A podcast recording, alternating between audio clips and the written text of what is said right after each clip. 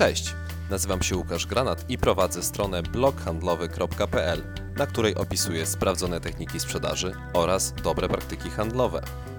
Zapraszam Cię teraz do wysłuchania mojego najnowszego podcastu.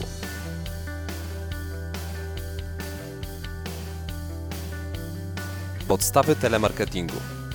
W jaki sposób prowadzić rozmowę telefoniczną z klientem? Zacznijmy od tego, jakie jest Twoje podejście do telemarketingu, kiedy to Ty jesteś tym podnoszącym słuchawkę. Kto do Ciebie dzwoni? Entuzjastyczni sprzedawcy zupełnie niepotrzebnego sprzętu z kosmosu, sprzedawcy typowych usług, np. banki, ubezpieczyciele, operatorzy komórkowi i telewizyjni, natarczywi telemarketerzy chcący za wszelką cenę umówić Cię na spotkanie z docelowym sprzedawcą – nieokrzesani i mało doświadczeni handlowcy firm z Twojej branży, konkretni i doświadczeni przedstawiciele Twoich partnerów biznesowych.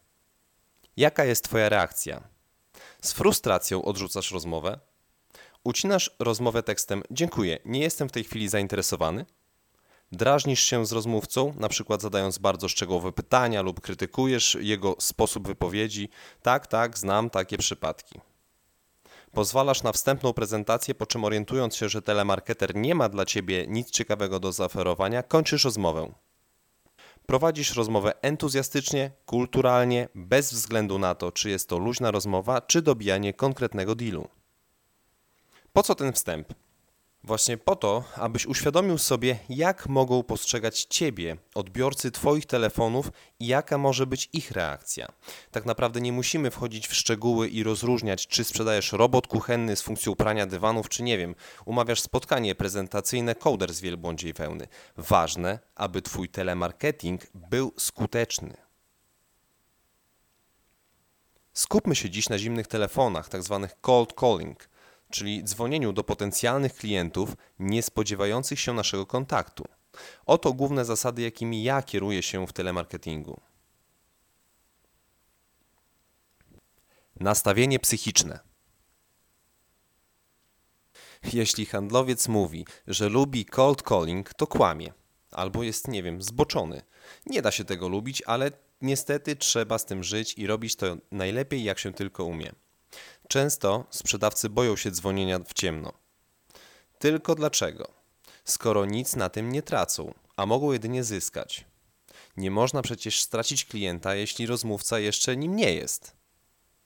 Odpowiednie przygotowanie i nastawienie psychiczne do telemarketingu jest dla mnie niezwykle ważne. Jeśli nie mam nastroju na dzwonienie, to po prostu tego nie robię.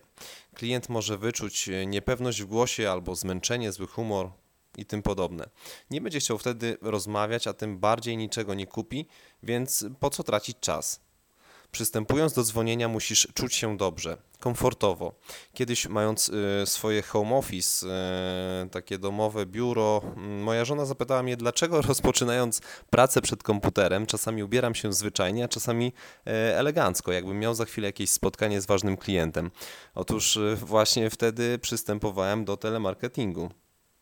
Odpowiednie ubranie zwiększało moją pewność siebie i pozwalało lepiej wczuć się w rozmowę telefoniczną. Polepszało mój wizerunek w myślach klienta, bynajmniej ja to tak odbieram. Każdy telefon traktuję jak spotkanie z kimś ważnym. Nawet jeżeli rozmówca okaże się powiedzmy niepoważny, no to nic, grunt, że ja trzymam swój poziom. Uwierz mi, pozytywne nastawienie to pierwszy mały sukces w tym złożonym procesie. Zapamiętaj – Bądź w dobrym nastroju, przygotuj się na przykład poprzez właściwy ubiór, nie dzwoń w piżamie.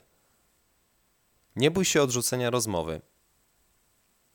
Rozmówca ciebie nie zna. Nawet jeśli ciebie nie polubi, to nie masz się czym przejmować. Walcz o lead.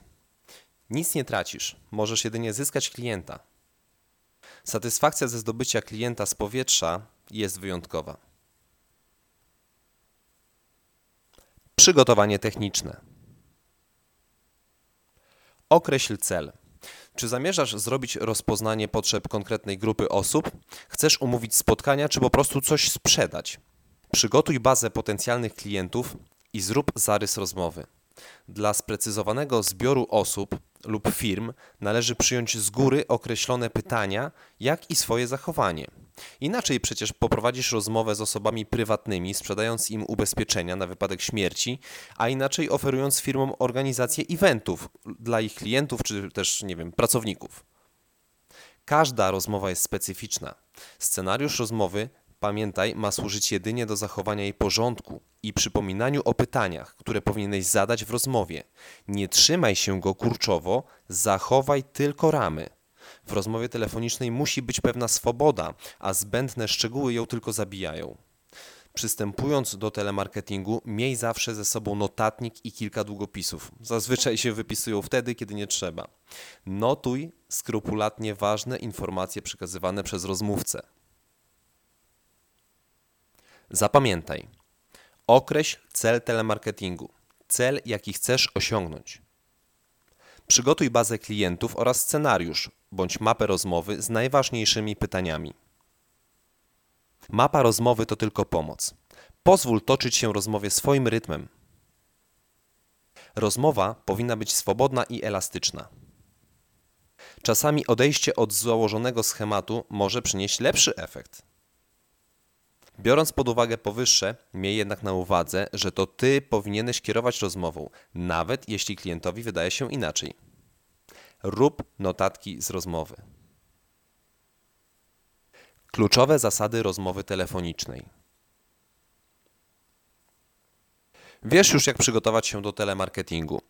Teraz przedstawię Ci najważniejsze reguły, o których musisz pamiętać, prowadząc rozmowę telefoniczną.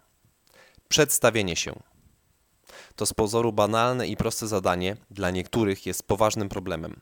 Przede wszystkim mów wyraźnie i niezbyt szybko, zwłaszcza przedstawiając nazwę firmy. Jeśli musisz na początku rozmowy zawrzeć jakąś klauzulę, na przykład o jej nagrywaniu, przedstaw to w przystępny dla rozmówcy sposób, a nie po prostu recytując prędko formułę jak facet z reklamy farmaceutyków. Nie chodzi tutaj o to, aby zmieniać tekst.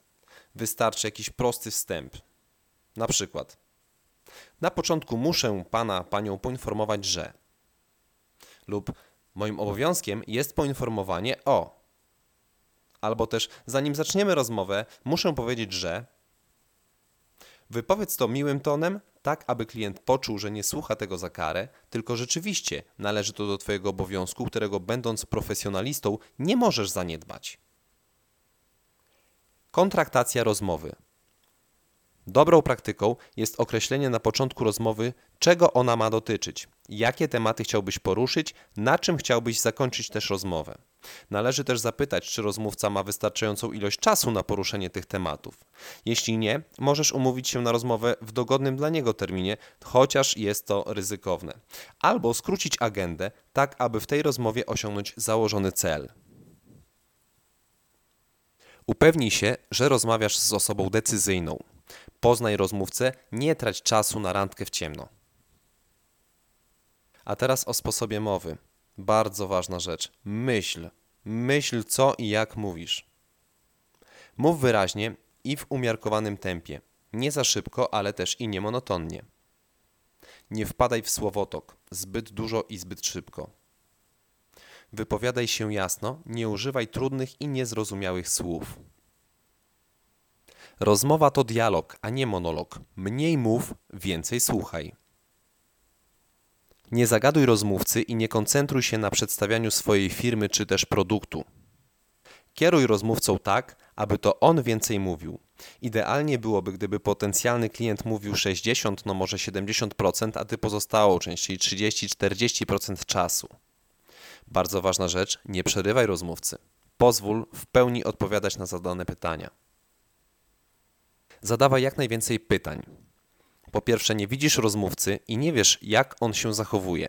Zadawanie pytań pozwoli ci to wyczuć i poznać lepiej klienta. Po drugie, Twoim obowiązkiem jest poznanie bólu klienta, dokładne sprecyzowanie jego potrzeb. Możesz również odpowiadać pytaniem na pytania klienta.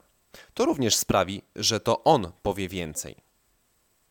Stosuj parafrazę, aby podsumować odpowiedź klienta a zarazem upewnić się, że właściwie ją zrozumiałeś. Finał rozmowy musi przynieść konkretny efekt. Pierwotnie założony cel musi zostać osiągnięty.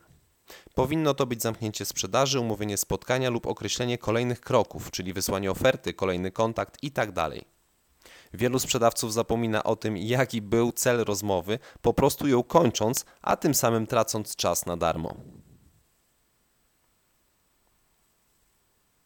No myślę, że teraz możesz już zacząć swój telemarketing. Pamiętaj, bądź wytrwały i konsekwentny. Staraj się nie popadać w rutynę. Na pewno będziesz miał wiele różnych zadań telemarketingowych, co pozwoli zmienić scenariusze i wykorzystywać dotychczasowe doświadczenia i czerpać wnioski z odbytych rozmów. Na koniec mam dla Ciebie dwa zadania. Zadanie pierwsze. Co jakiś czas nagrywaj swoją rozmowę. Odtwarzając ją, notuj dobre i te gorsze momenty. Przeanalizuj je, a wyciągnięte wnioski wdrażaj w konkretnych rozmowach. Zadanie drugie. Przysłuchuj się innym sprzedawcom podczas ich rozmów telefonicznych z klientami. To jest bardzo pouczające. Zauważone w nich dobre praktyki wdrażaj w swoich rozmowach. Słuchając ich uważnie, na pewno zwrócisz też uwagę na jakieś błędy. Zapamiętasz je o wiele lepiej niż swoje, bo z natury łatwiej ci wytknąć komuś błąd niż sobie. W konsekwencji będziesz starał się ich unikać.